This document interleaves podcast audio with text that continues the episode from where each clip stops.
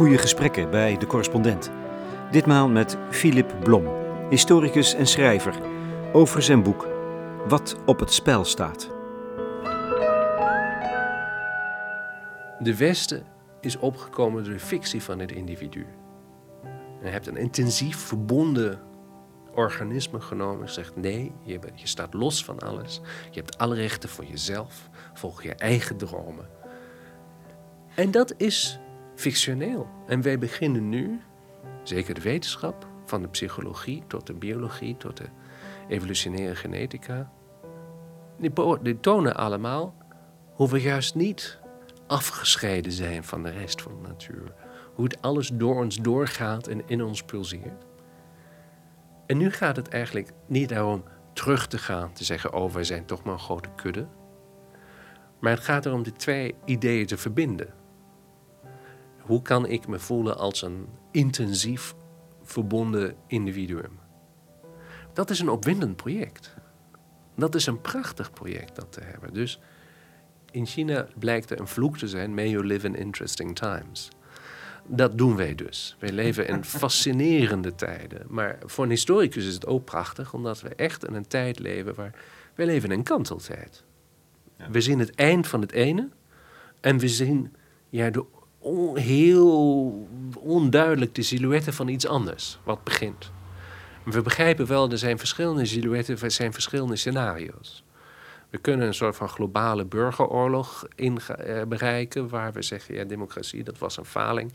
Hebben we een tijdje geprobeerd en nu zijn we de landen die de ecologische ramp zien en die landen die de ecologische ramp leugenen. En we gaan, weet ik veel, Brazilië bezetten om uh, te voorkomen dat de hele regenwoud wordt uh, weggehaald en dat wordt een oorlog dat is science fiction, oh, dat is political fiction, maar dat is niet zo ver weg. De andere, de utopie, is gewoon zeer onrealistisch te denken: oh ja, daarom heb ik dat in wat op het spel staat. Er. In het laatste hoofdstuk denk ik dus erover na wat zou wel kunnen constructief gebeuren, maar dat heeft voorwaarden. En dat is op één bepaalde nacht komt het tandvee van de, van de geschiedenis naar iedereen toe en kust hem op het voorhoofd. En iedereen wordt wakker en realiseert wat voor een wereld we eigenlijk in leven. Wat, wat met de klimaatramp aan de hand is. En dus dan komt een golf van zelfmoorden en religieuze profeten, et cetera. En als dat allemaal weggewassen is, dan, dan begint echt verandering. Maar ik denk die tandvee hebben we wel nodig. Omdat op het moment heb je ook onder meer of minder opgevoede mensen in het Westen, maar zeker uh, onder machtige politici, onder, in politieke partijen. Uh, gewoon een keiharde ontkenning van wat gebeurt. En dat zijn mensen die veel macht hebben en die zeer effectief kunnen voorkomen dat er iets constructiefs gebeurt.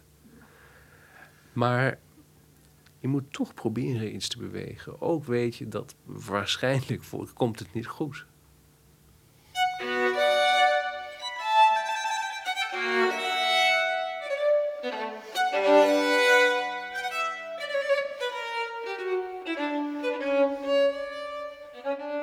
Philip Blom is een veelzijdig man. Hij is historicus, filosoof, violist. Zijn ouders, zijn vader was Duits, zijn moeder Nederlands, waren allebei muzikus. Hij schrijft voor gerenommeerde kranten in de hele wereld, presenteert in Wenen zijn thuisbasis een eigen radioprogramma. Maar hij is vooral ook een man met overzicht. Iemand die allerlei verschillende perspectieven met elkaar weet te verbinden. In zijn in 2017 gepubliceerde boek Wat op het spel staat, schetst hij een vlijmscherp en onheilspellend beeld van onze tijd. Razend knap weet hij een helder inzicht te bieden in de samenhang tussen klimaatverandering, digitalisering, robotisering, consumentisme. De historicus ontpopt zich als onheilsprofeet. Is dat niet gek voor iemand die gewend is om distantie te hebben tegenover het verleden?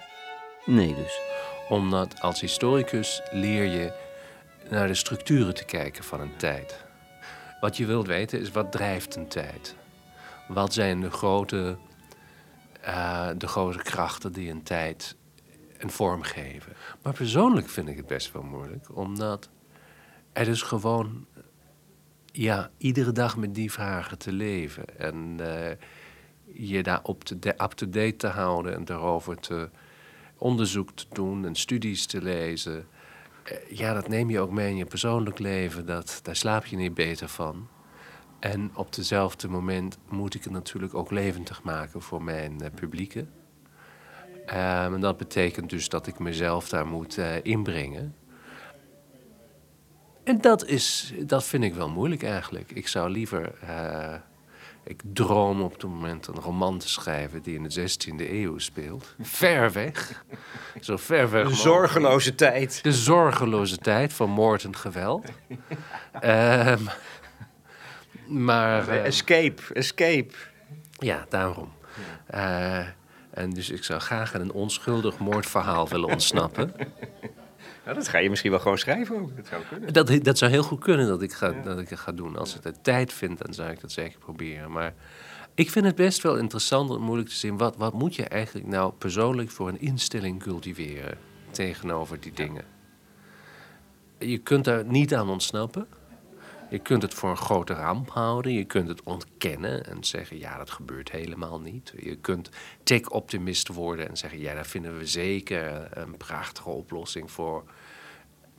Je kunt ook op een zekere manier, denk ik, uh, gewoon ja, proberen.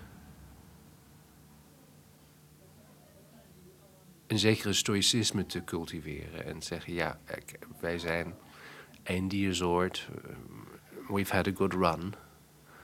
Het is goed gegaan voor ons. We zullen hier niet altijd zijn. Dat menselijke domheid ongelooflijk groot is, dat hebben we al gewist. Uh, dit gaat wel gebeuren, wat jammer, maar ja. Geef me maar nog een glaasje wijn. Dat is de alternatief. Ik leef nog even.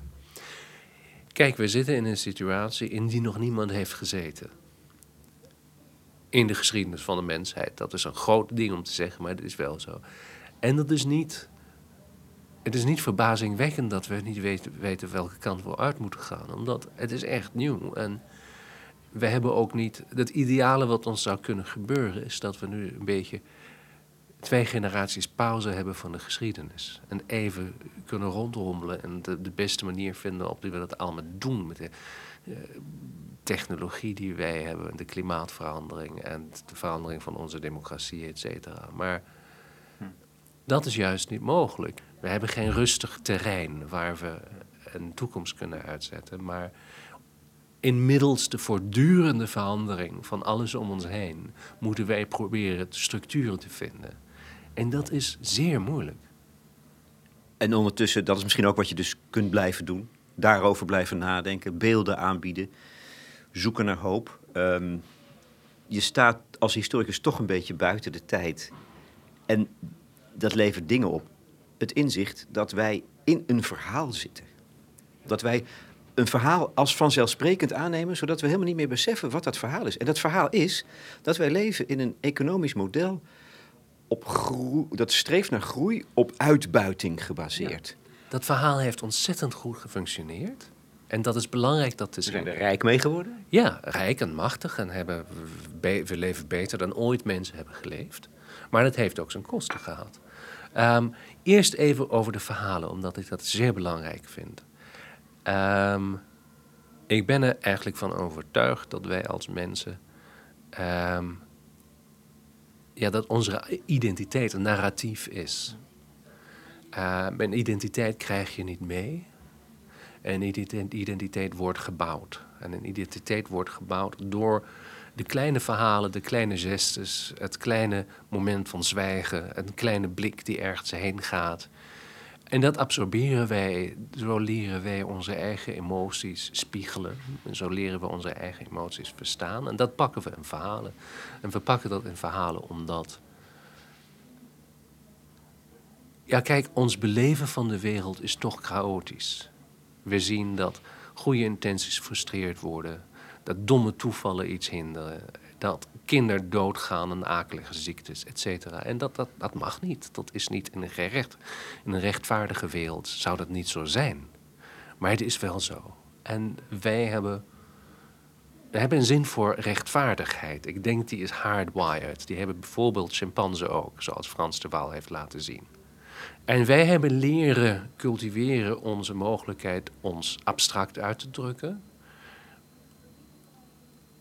En een soort van therapie te ontwikkelen. Namelijk ons een wereld op de wereld te construeren zelf, te bouwen, die wel zinvol is. Waarin goede intentie wel wordt beloond. Waar kwaad doen wel wordt bestraft. Waar opeens zinvolle handeling ook een zin heeft, omdat ze naar iets toe leidt. En dat is een verhaal. Maar een verhaal doet meer, omdat het je ook een houding leert.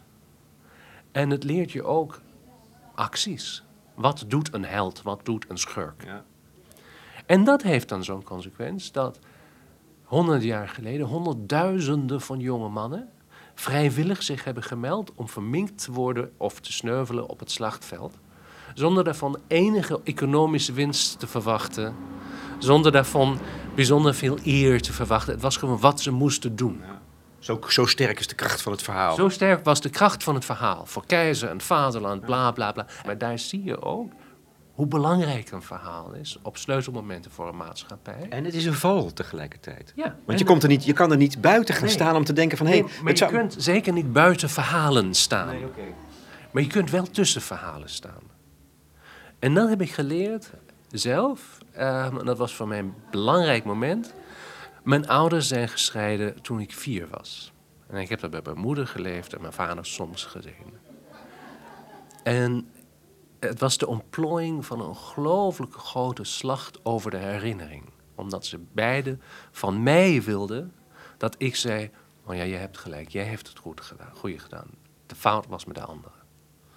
En ik krijg voortdurend de verhalen over het huwelijk verteld van twee verschillende perspectieven. En ik was dus gedwongen als kind op een zekere hoogte tussen twee verhalen te leven. En van twee mensen van die ik hield, die ik graag wilde geloven, maar die ik niet kon geloven, omdat ik wel zag, nou, allebei kunnen ze niet gelijk hebben. En dan word je ten eerste gevorderd je eigen verhaal te construeren. Wat denk ik wat er naartoe toen gebeurd is? Maar ten tweede word je ook eh, gedwongen te realiseren. Maar dit is nou een derde verhaal die ik vertel. Dit is niet, ook niet de waarheid. En de waarheid, die is ver weg, die is verdwenen.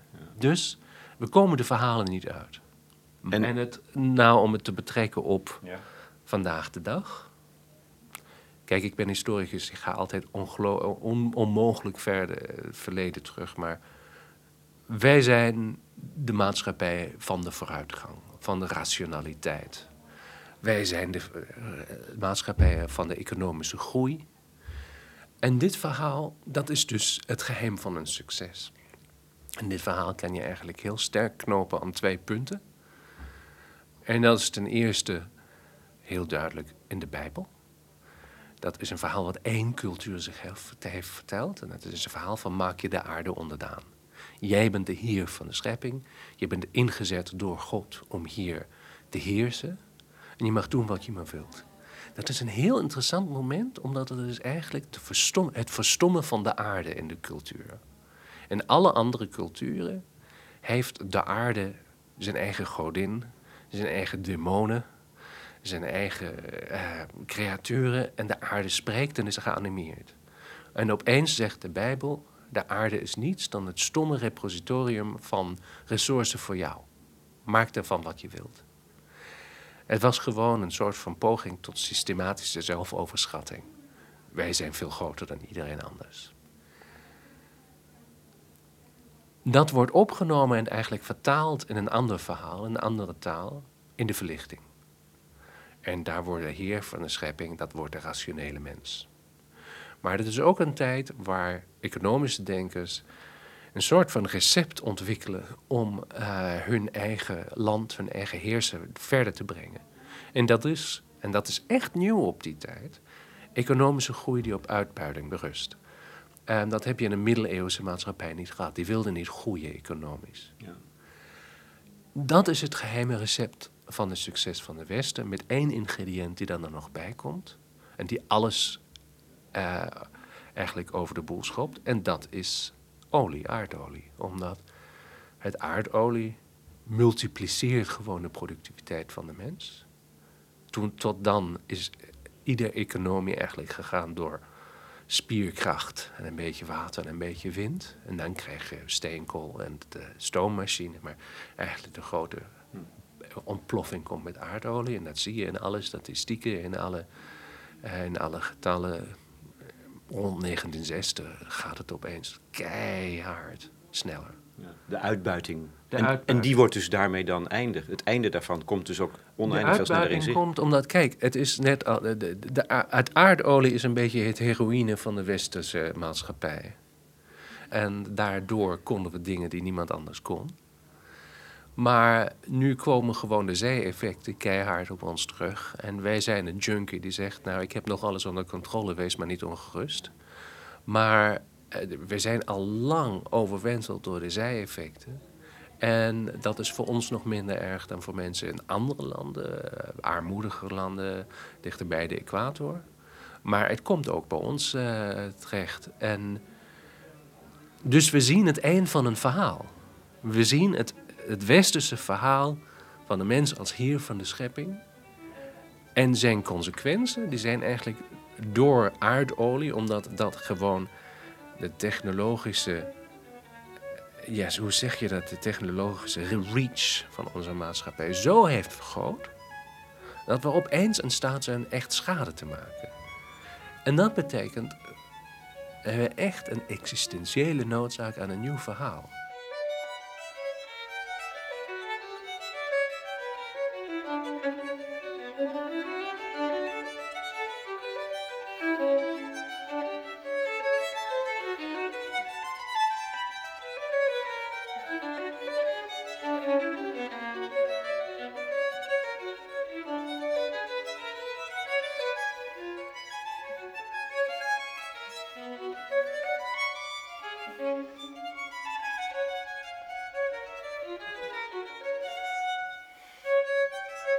Dit is nog maar één ding. Het andere grote spoor is de digitalisering. We zitten midden in een technologische revolutie. Eh, het is een beetje eigenlijk hetzelfde, omdat het gaat aan het mensenbeeld dat wij hebben. En de digitalisering disrupt, is niet alleen maar een disruptie van onze werkprocessen, et cetera, maar ook van ons mensenbeeld. Omdat we sturen op, of op uh, kunstmatige systemen die kunnen denken, misschien beter dan wij. Dus daar zit ook een einde van een verhaal. die misschien ook een persoonlijkheid kunnen ontwikkelen. Die misschien, eh, er zijn nu pogingen uh, systemen te leren angst te hebben. Om ze in een beter, beter in een complexe interactie te laten werken. Maar dus emoties te ontwikkelen. En dus wat is dan nog een mens? Wat is dan eigenlijk een individualiteit? Wat is dan eigenlijk leven als je misschien over 30, 40 jaar machines heeft die zichzelf kunnen reproduceren. Wat is dan precies leven? Dus we gaan af op een tijd waar al onze categorieën beginnen te zwemmen. En we hebben daar een, een antwoord voor, die is heel verstaanbaar, maar ook heel destructief, denk ik. En dat is gewoon lekker niet kijken. Het is alles zo complex, het is alles zo angstaanjagend, en daar moet je gewoon niet naar kijken. Maar het gaat ook gewoon te snel. Ja. En dat is, dat is voor mij een heel belangrijk tijdsfenomeen. Ik heb, ik heb een keer een beetje, ben een beetje nagegaan. En dat is wel prachtig om te zien. De mens bestaat ongeveer 300.000 jaar. Dat zijn zo'n, zeg maar heel grof, 10.000 uh, eh, generaties. Nou, duizend generaties geleden of zo zijn we Afrika uitgekomen. En toen was er eigenlijk geen verschil. Zo'n kleine 300 generaties geleden zijn we begonnen in steden te leven. En complexe culturen te hebben. En nog steeds is niet veel, heel veel verandering. En dan komt tien generaties geleden. Dat is de verlichting. Dat is het begin van de industrialisering. Drie generaties geleden heb je de Tweede Wereldoorlog, eh, Eerste en Tweede Wereldoorlog de elektrificering van de wereld. Ehm, het aardolie komt binnen. Eén generatie geleden heb je huishoudcomputers, heb je het internet, heb je het smartphone. En je ziet hoe gewoon de, de snelheid explodeert van zulke veranderingen. We kunnen dat niet aan. We kunnen Nee. dat niet verwerken. Wij hebben in ons botten evolutionaire reflexen die gebouwd zijn door honderdduizenden van jaren door de savanne te lopen. In kleine groepjes van 30 tot 40 individuen.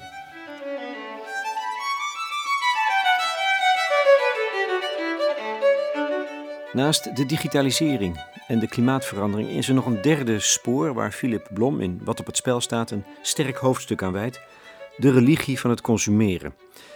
Ook dat heeft ons de wapens uit handen geslagen om over de toekomst na te denken, omdat we dwangmatig bezig zijn met het volgende begerenswaardige object. Ja, dat maakt de horizon wel weer erg klein.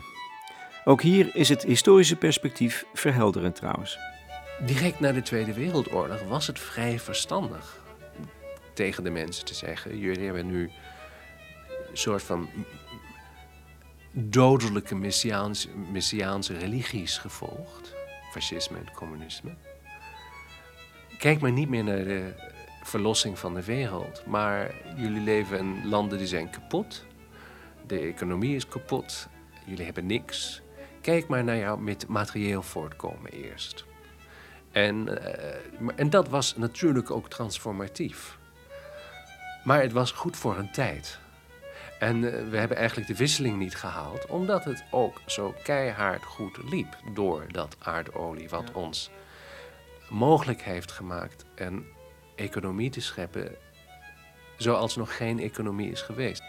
Verleidelijk dus, maar het dead end. Consumeren alleen, steeds meer consumeren, het is niet voldoende om het leven zin te geven. Nou, de zin is de groei. Dat is de zin. Maar kijk, twee observaties daarover. Ten eerste weten we ook van onderzoek dat het maakt ons gewoon niet gelukkiger. Wij zijn rijker dan ooit, maar in onderzoek na onderzoek zeggen mensen niet: oh ja, nu ben ik ideaal gelukkig. Maar 50 jaar geleden, als een heleboel ook eh, zeg maar middelklas mensen eh, op een manier hebben geleefd die vandaag onder de armoedsgrens zou zijn, eh, waren ze blijkbaar net zo gelukkig. En twee is gewoon dat het fysiek niet meer door kan gaan, omdat groei vraagt meer rauwe materialen te gebruiken ehm, en meer te produceren, dus ook meer afval te produceren. En deze logica van het meer, die kan niet meer doorgaan. Dus als de regering in Nederland aankondigt, we gaan 5 miljard besteden aan de koopkrachtvergroting, is dat het meest cynische wat je op het ogenblik zou kunnen verzinnen? Het is cynisch en het is dom, omdat je kunt ook zeggen... Nederland is een heel interessant geval voor mij. Omdat ik discussieer vrij veel met politici van verschillende richtingen. En ik vind altijd, jammer genoeg moet ik dat zeggen... dat op één, op één iemand na zijn de conservatieven die zeggen... en hier citeer ik iemand, een minister, die zei... ja, u bent wel een goede salesman, maar dan gelooft u toch alles zelf niet? En de uitzondering van Nederland is dat de verhoging van het oceaanniveau is voor Nederland geen theoretische overlegging. Dat is niet iemand anders probleem. Dat is de noodzaak de afsluitdijk te verhogen. En zoals mij een dijkbouwer een keer zei, van die hier in de Rijkswaterstraat werkt. Ja, al onze ingenieuren zijn, op, zijn met erover eens dat wij de dijken moeten verhogen. Maar we zijn, ze zijn nog oneenig of, om, of we ze moeten verhogen om 30 centimeter of om 6 meters. En dat laat ook een beetje de amplitude van de onzekerheid zien die in zo'n situatie binnenwoont. Maar je zult ook kunnen zeggen, ja, wij gaan 5 miljard of v- 50 miljard op eh, investeren om dit land een economie van de toekomst te maken. Wij gaan echt een Green New Deal doen. En juist op het moment waar de digitalisering, de automatisering werk verstoren en mensen wegnemen uit de werkcontext, wat misschien op lange duur niet meer zo'n probleem zal zijn, omdat de identificatie van, van identificering van deugd en werk is ook vrij jong. In de 18e eeuw wilde niemand werken en vond niemand, je bent alleen maar deugdzaam als je de hele dag voor iemand anders repetitieve dingen doet. Ehm, dus werk is misschien helemaal de, de heilige graal niet, naar, naar die we moeten zoeken. Maar nu is het even nog heel belangrijk in onze maatschappijen. En een Green New Deal, als we nou echt infrastructuur vernieuwen, wordt er zoveel werk geschapen. Korte termijn. En dat kunnen we nuttigen om onze structuren op om te stellen op een maatschappij die zo in 50 jaar, over 50 jaar nou zou kunnen doorwerken. En dan kan Europa eigenlijk het enige doen wat Europa nog kan doen. En dat is een voorbeeld zijn. Laten zien hoe het kan.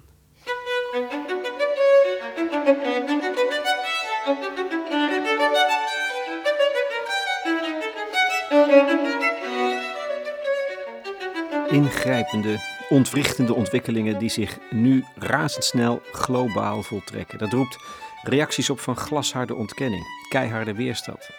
Philip Blom vat het in zijn boek Wat op het spel staat allemaal samen onder de term verzet tegen de moderniteit. Het sterkste verzet zit bij twee stromingen. Die kiest hartstochtelijk voor de markt, de vrije markteconomie, of even gepassioneerd voor de muur, de verdediging tegen indringers. En wat is het einde van dat liedje? Dat kan toch niet veel anders zijn dan gewelddadigheid, lijkt me. En dat begint al.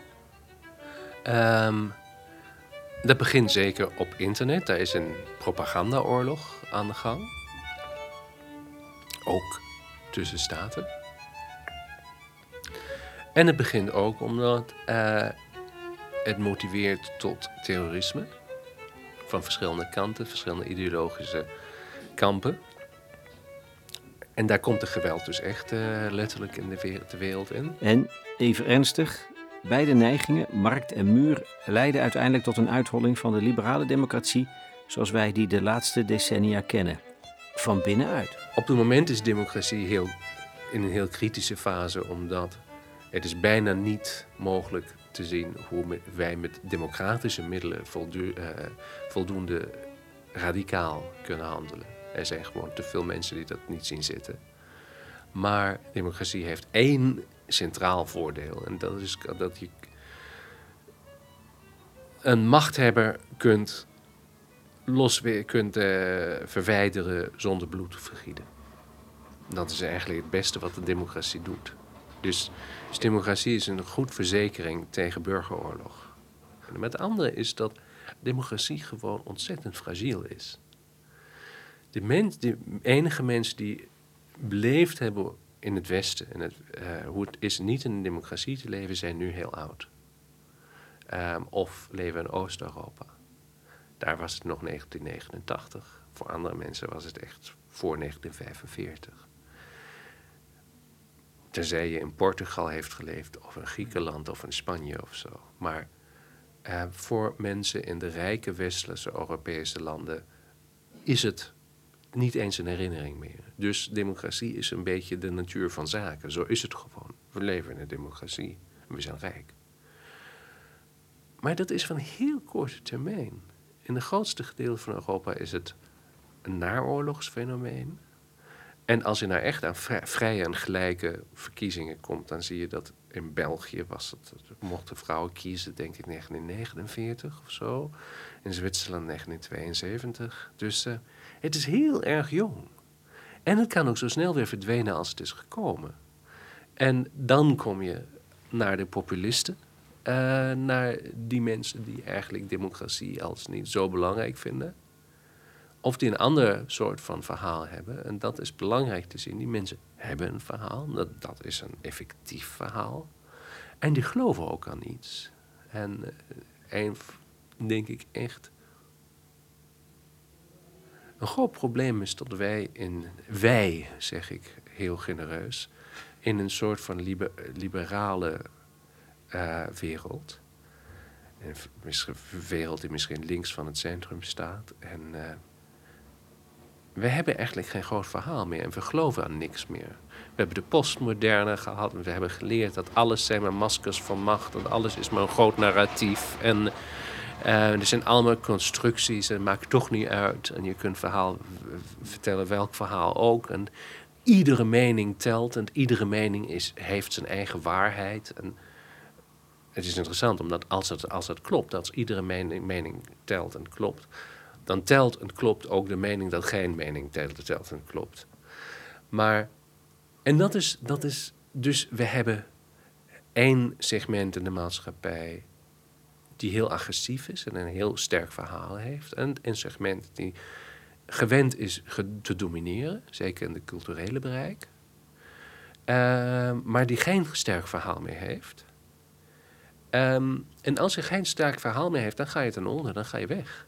Die kracht met dat sterke verhaal is dominant aan het worden. Overal in de wereld trouwens. Als je ziet welke nou, sterke leiders er allemaal zijn, dat, wordt, dat lijkt zich uit.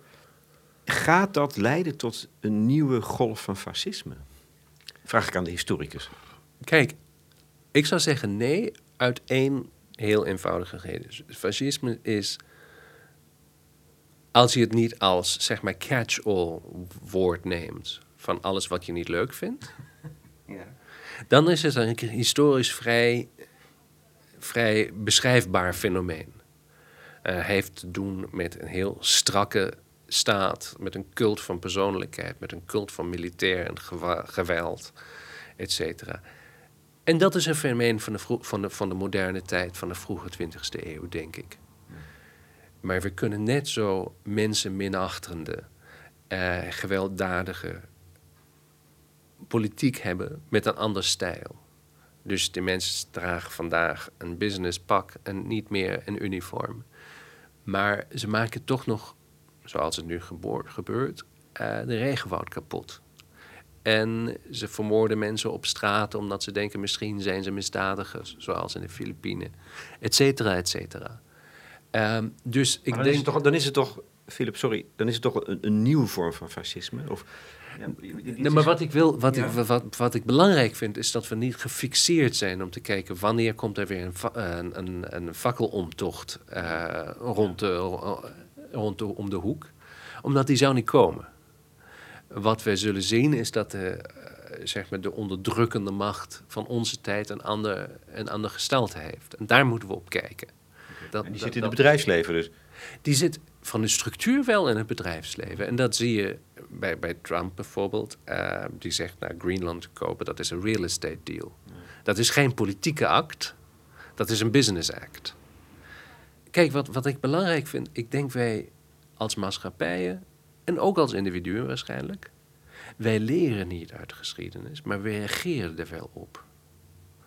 En dat betekent een grote vredensproject van Europa, ook van de Europese Unie, was een reactie op de Tweede Wereldoorlog.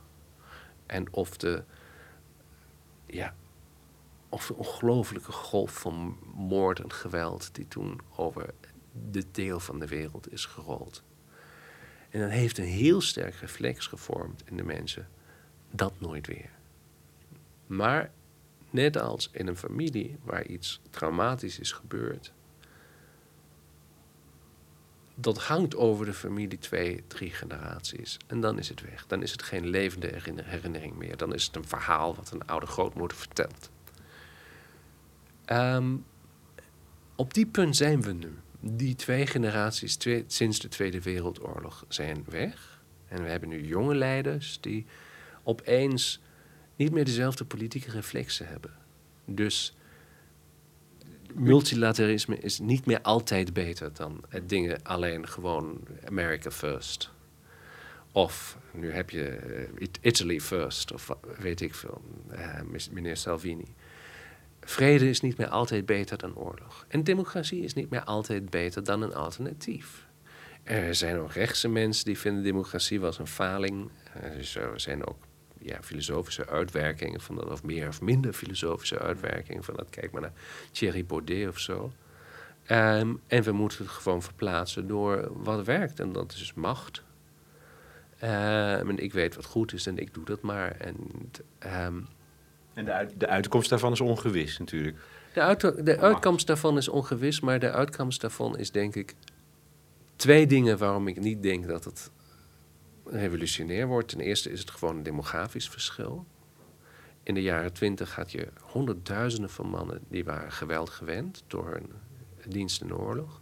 En je had ook een veel jongere bevolking. We hebben vandaag een zeer oude bevolking, mensen die voor die een oorlog geen realiteit meer is. Dus ik denk dat een golf van geweld op die manier van de jaren 20 en 30 eigenlijk minder waarschijnlijk is. Maar we hebben ook maatschappijen waar een groeiend onderdeel van de, maatschappij, van de uh, samenleving met heel goede redenen zegt: dit werkt niet meer voor ons. Hm.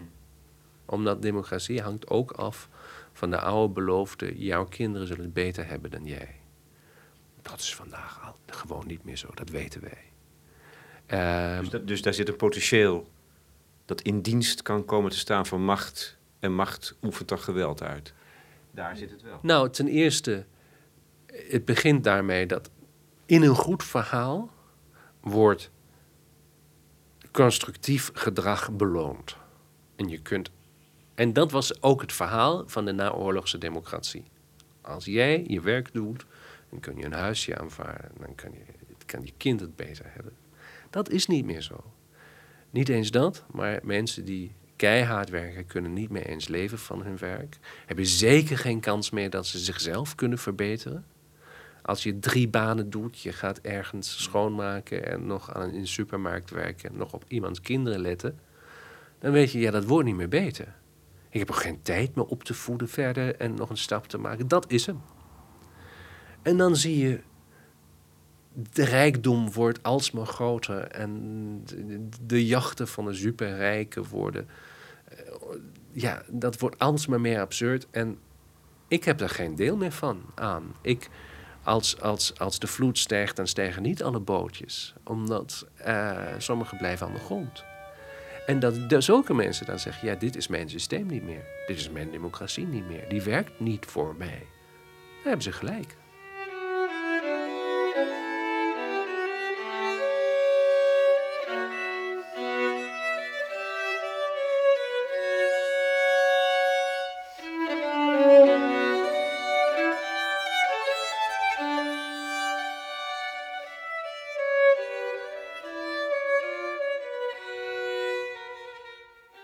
Oké, Philip Blom, als je dit zo hoort, waar halen we dan in hemelsnaam, ben ik geneigd om te zeggen, de creativiteit en de moed en de denkkracht vandaan om dat verhaal, om wel een verhaal te vinden, te construeren, dat zo totaal anders is en dat aanspreekt?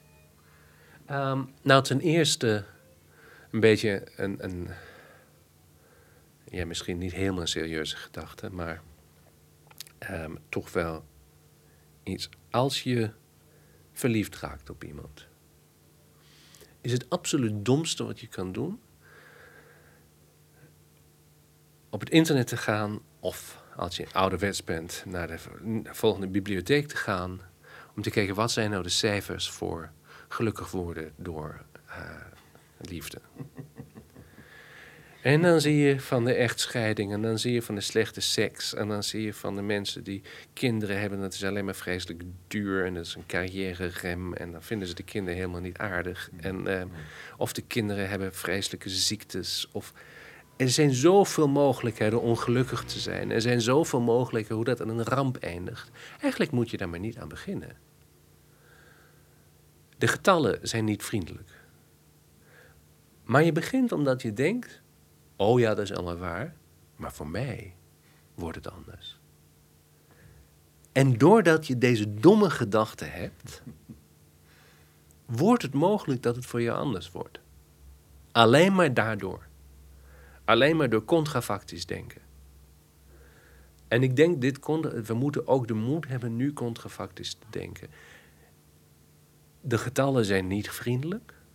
Maar alleen maar als we denken we kunnen het wel redden, kunnen we het misschien ook wel redden.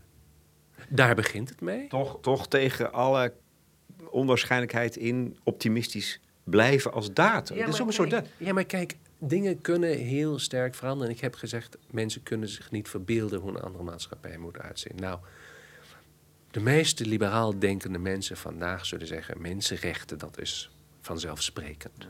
Ieder mens is, heeft een waarde ieder mens is eigenlijk gelijk geboren. Misschien niet e-, economisch, maar toch wel op een zeker theoretisch niveau. We vergeten dat dat 300 jaar geleden een waanzinnig idee was. Gewoon krankzinnig. Dat als je dat geloofde. Iedereen wist dat een, dat een aristocraat beter was dan een boer. Een man beter dan een vrouw. Een christen beter dan een heide dat er geen gelijkheid was. Gelijkheid was een anarchistische, gevaarlijke idee. Die, uh, daar, moet je, moest je tegen vechten. Omdat dat was, dat zou de maatschappij kapot maken. En dat was rotsvast gewoon de overtuiging van de grootste geesten van de tijd. Dat kan veranderen. Zulke dingen, zulke instincten, morele instincten kunnen veranderen. Hoe kan zo'n verhaal eruit zien? Nou, ik, ehm, ik vind in die opzicht het werk van Bruno Latour vrij interessant. Ten eerste door de inzicht te zeggen: om iets denkbaar te maken, moet je zulke ideeën eigenlijk een figuur geven, moet je ze aankleiden en op een toneel sturen. Zoals hij zegt, democratie wordt pas denkbaar toen wij hadden geleerd de figuren, de karakters aan het, op het toneel te zien van de natie, het volk, de rechtvaardigheid, de vrijheid, de gelijkheid. Als het categoreren worden en die mensen dachten. Dan kan het ook politieke realiteit worden. Dus, dus daar zit iets van het vermogen van verbeelding in. Ja. En, en zo'n beeld eh, biedt hij dan ook aan, en dat vind ik een interessant beeld. Hij zegt: Wij leven niet op aarde. Dat is de Heer van de schepping. Die staat erop. Wij leven in een kritieke zone. En beneden onze voeten zijn kilometers van dode rots. Boven onze hoofden is een oneindigheid van leegte. En daartussen is een heel klein filmpje van een atmosfeer met, uh, met zuurstof. Uh, een heel klein filmpje in die leven kan plaatsvinden. En die heeft ontelbaar veel acteurs daarin. Van microben tot uh. En ook mensen. Tussen andere dieren. En die zijn allemaal afhankelijk van elkaar. En wat één doet, dat heeft werking op alles andere en terug. En in die kritieke zone moeten wij ons terechtvinden. En dan heb je dus eigenlijk het einde van het Bijbelse verhaal van de stomme aarde, van de dode aarde. Dan heb je een aarde die, ja, hij is geïnspireerd van John Lovelock en his Gaia-idee, en dat is misschien net een stapje te ver. De, de aarde begrijpen, als een levendig organisme en bijna een persoonlijkheid. Maar dat het een ongelooflijk complex systeem is. Dat een soort van mobile is. En als je aan één stuk trekt, dan veranderen alle constellaties van alle andere stukken in het mobile. Ehm, en je bent zelf een stuk in dat mobile, dus iedere beweging die je maakt verandert alles andere om je heen. Dat is denk ik een beeld van een maatschappij, van mensen, van een natuur die ik niet alleen maar interessanter vind, maar ik denk die ook een andere houding en andere acties zou kunnen inspireren. Als wij leren onszelf zo te begrijpen, dan hebben we misschien ook zin andere dingen te doen en worden onze ambities anders. Wij zijn niet het autarke uh, individu wat de verlichting heeft geschetst. Alles wat we wetenschappelijk weten spreekt dat tegen het individu wat afgesloten tegenover de wereld staat, bestaat gewoon niet.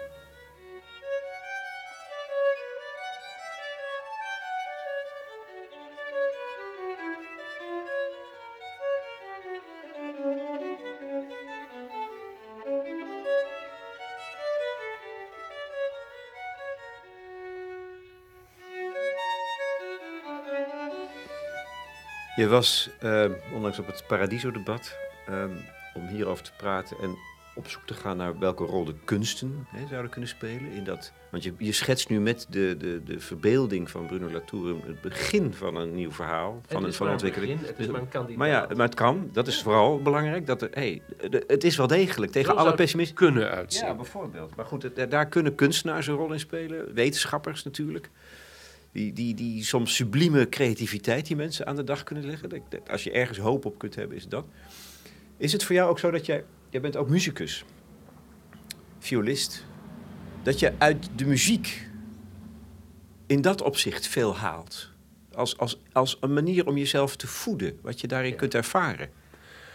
Nou, de muziek doet wat voor mij kunst moet doen, wat voor mij verhalen moet doen. En dat is aan een ongeordend chaotisch beleven een structuur te geven. Een structuur door die ik een wereld kan benaderen, door die ik mijn eigen ervaringen kan benaderen. Ehm, en ook een zekere, en dat is nu een dirty word, maar het is eigenlijk helemaal niet zo'n problematisch begrip, een zekere discipline in mijn leven. Ik ben een onderdeel van iets met muziek. En je kunt zeggen, met een heleboel andere dingen ook. Het is niet de hoge cultuur die dat alleen maar kan. Van iets wat veel groter is dan ik het ben. Ehm, ik ben onderdeel, ja, van een traditie, maar het moet niet traditioneel zijn. Het is gewoon dat alles van, van ergens afkomt. Ik ben onderdeel, hoop ik, van een toekomst. Dat door te ontwikkelen. Ik moet me dagelijks uitdagen iets te doen wat ik eigenlijk niet kan. Of wat ik nog niet voldoende goed kan. Ik moet dus proberen mezelf verder te ontwikkelen. Ik bots altijd tegen mijn, ogen, mijn eigen limitaties. Maar ik kan ook. Als violist, hè? Bedoel als violist, ja, als alles eigenlijk. maar ik kan ook uh, mezelf wel, mijn horizon wel uitweiden. Door iets nieuws te leren, iets nieuws te leren doen. Daarvoor heb ik andere mensen nodig. Ook daar ben ik maar een onderdeel van iets. Als ik wil musiceren, dan moet ik dat eigenlijk met andere mensen doen. Um, zo vind ik het ook een prachtige school van het leven. Dat je zo'n ja, zo'n uh, tool hebt om jezelf te ontwikkelen en zelf met iets door te gaan. En je niet te verspreiden in de kleine chaotische signalen die van overal op je afkomen. Dat je jezelf ook kunt centreren, in, centreren in, uh, in iets. Dat is belangrijk voor mij. En daar, daar gebruik ik de muziek ook voor. Ik zou daar ook Tai Chi voor kunnen doen of iets anders, maar voor mij is dit. Ja, en daar heb je, vind ik zelf ook eigenlijk een heel erg mooi, echt een heel mooi boek over geschreven. Ehm, dat voor mij staat met de rug tegen wat op het spel staat. Dat kijkt naar de toekomst. Je kijkt in een Italiaanse reis naar het verleden, omdat je, hebt, je, krijgt dus een lang verhaal kort. Een nieuwe viool, niemand weet wie hem gebouwd heeft. En je gaat op zoek naar die bouwer. En ehm, wat ik daar heel ontroerend aan vind en hoopvol is dat je door dat verhaal te, te, te vertellen, te vinden, te schrijven, ga je je verbonden voelen met een anonieme persoon van tien generaties geleden. Een, een, jonge man die die viool ook in zijn handen heeft gemat en gebouwd heeft. Dat is de sleutel, en dat heb je heel fijn gezien. Het heeft me lang geduurd dat te begrijpen, zelf. De sleutel is verbinding. Wat ik in van het, wat op het spel sta, eigenlijk argumenteer is... wij zijn verbonden met alles. Ja, naar de toekomst toe. Ja. Wij moeten begrijpen dat wij verbonden zijn. Dat wij een onderdeel zijn van een net, daar kunnen we niet uit. Dat is net van verhalen, dat is net van natuurlijke samenhangen, et cetera. En we moeten ons begrijpen als een acteur in dit net, niet buiten en over. Maar de verbondenheid, en wat ons truc altijd is geweest, is verbondenheid te leugenen. Dus wij zijn vreedzame maatschappijen. Waarom? Omdat wij de geweld die wij genereren in andere op andere continenten duwen. Daar leiden we oorlogen. Daar verstoren we die natuur, maar niet bij ons. Dus, en daar zeggen we, ja, maar wat is de verbinding? Wij betalen die mensen, wij hebben... Geld is natuurlijk, geld verstoort ook verbindingen. Je kunt zeggen, ik heb geen obligatie meer tegenover jou... omdat ik jou een stuk papier heb gegeven. Je koopt alle verbindingen af, als het ware. Maar, en in het in een Italiaanse reis begon ik eigenlijk met het idee van... ik heb dus een prachtig instrument, anoniem, gebouwd rond 1700... maar als ik mijn handen erop leg, dan liggen die op de plek... waar tien generaties een anoniem iemand zijn handen had. Ik ben dus met die vent verbonden. Goh, wie was dat? Um, en dat is voor mij... Ik, ik vind de verbinding ontzettend onmakkelijk en ontzettend machtig concept. Als ik een t-shirt koop, dan ben ik misschien verbonden met een meisje in Burma die tien jaar oud is en die veertien jaar per dag in een fabriek zit en t-shirts naait. Met die ben ik dan verbonden. Met diens leven heb ik beïnvloed. Ehm, dat is een verbinding die ik niet zo fijn vind. Met een 300 jaar oud viool verbonden te zijn, vind ik veel mooier. Eerlijk is eerlijk. Eerlijk is eerlijk. Maar dan moet ik wel kijken volgende keer welk t-shirt ga ik eigenlijk kopen?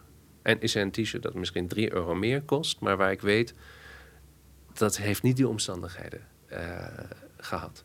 Dus verbinding is een ontzettend belangrijk concept voor mij. Um, ook gek genoeg afsluiting. ik ben iemand die behoefte heeft alleen te zijn, vaak. Uh, alleen mijn werk te doen, uh, alleen te denken of te dromen of zo. En dat is belangrijk, maar het is ook belangrijk omdat het de spiegeling is van verbinding.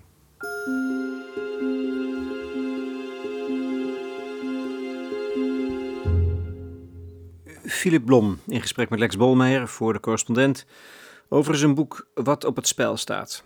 Willen jullie met Philip Blom in gesprek? Hij zit inmiddels weer in Wenen, maar heeft de intentie om te reageren op bijdragen van leden. Dat zal zich afspelen op het forum van ons platform. Je kunt je ook abonneren op mijn nieuwsbrief. Dan stuur ik bericht zodra er weer een nieuwe aflevering is toegevoegd aan mijn serie Goede Gesprekken. Fervente podcastgebruikers weten al lang dat je je via de verschillende apps kunt abonneren op deze serie. Ik wijs er nog maar even op, wellicht in overvloed, dat ik een eigen kanaal heb dat diezelfde titel draagt, Goede Gesprekken. De muziek tenslotte was van Bach. In zijn boek Een Italiaanse reis noemt hij met name de eerste partita van Bach, de ervaring van een geheel nieuw heelal. Ik gebruikte een uitvoering door Isabelle Faust.